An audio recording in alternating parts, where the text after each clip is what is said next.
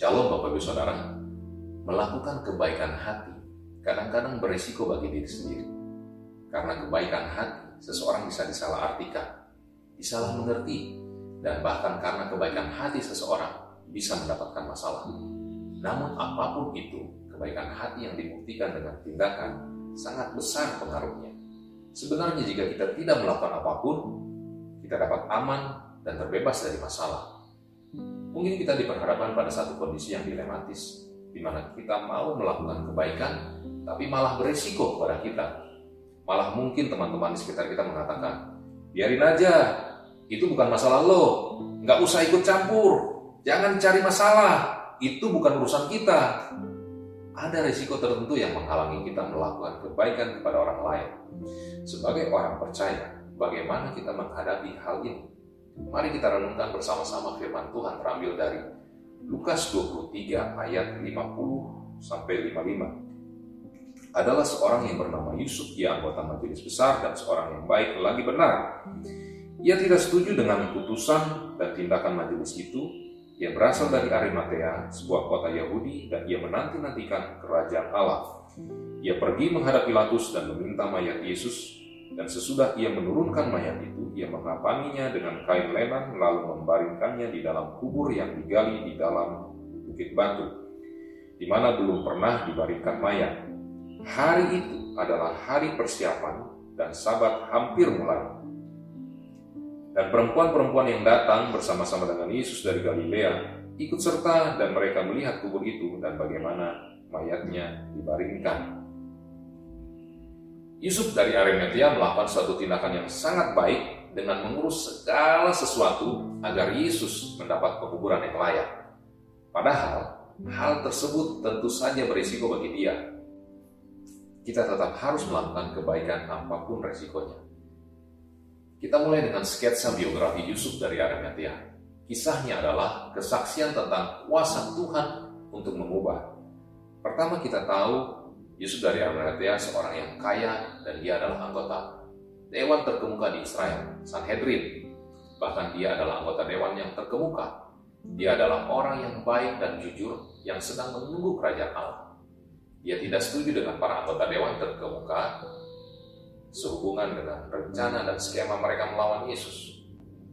Tidak diragukan lagi ini karena Yusuf adalah murid rahasia Yesus Yusuf dari Arimatea memiliki kesaksian yang kuat karena kita melihat dia berubah dari seorang murid rahasia yang takut untuk mengidentifikasikan dirinya dengan Kristus menjadi seorang pria yang mempertaruhkan segalanya untuk meminta Pontius Pilatus untuk mayat Kristus. Mengapa dia melakukannya? Dia memiliki kekayaan, dia memiliki teman-teman yang menonjol, dia terkenal dan dihormati di seluruh Yerusalem. Mengapa dia mempertaruhkan semuanya? Tapi dia tetap melakukannya karena melihat Yesus tergantung di kayu salib. Sesuatu terjadi pada Yusuf dari Arimatea. Dia mengambil keputusan, dia membuat keputusan. Dia dengan berani pergi ke Pilatus dan meminta tubuh Yesus yang telah dia ikuti secara diam-diam. Dia berani mengungkapkan dirinya. Ini adalah kisah yang bisa kita pelajari dan kita terapkan dalam kehidupan kita sendiri. Ada empat hal yang bisa kita lakukan dalam hidup kita. Yang pertama, iman yang benar.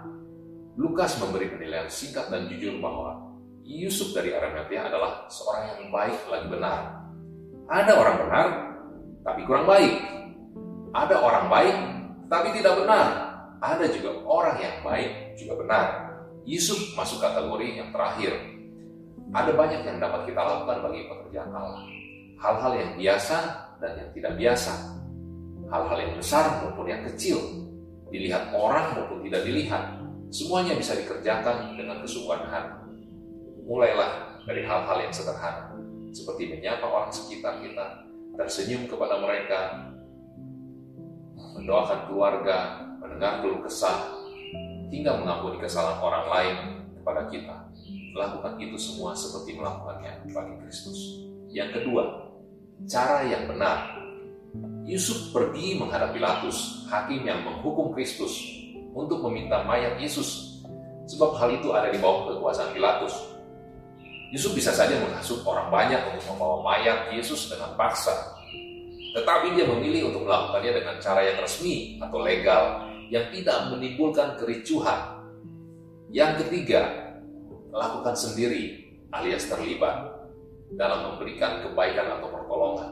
Yusuf menurunkan mayat Yesus sepertinya dengan tangan sendiri, lalu mengapani dengan kain lenan, lalu membarikannya di dalam kubur. Memang lebih aman dan nyaman jika kita berdiam diri dan tidak melakukan sesuatu apa pun bagi kebaikan orang lain. Namun, iman Kristen bukanlah iman yang pasif dan tidak melakukan apa pun. Iman Kristen adalah iman yang berani ambil risiko demi kebaikan orang lain. Yang keempat, di waktu yang tepat. Hari itu adalah hari persiapan dan sabat hampir mulai. Walaupun mereka sedang bersedih karena kematian Kristus, mereka tetap melakukan tugas mereka dalam menguduskan hari sabat. Inilah iman yang benar, inilah murid Kristus yang sejati. Bila iman kita kepada Kristus membuat kita harus menghadapi resiko dengan mempertaruhkan nama baik, reputasi atau jabatan, beranikah kita mengambil sikap seperti Yusuf dari Arimatea? Bangkitlah, menjadi teranglah. Amin. Stay safe, stay strong. Tuhan memberkati kita semua.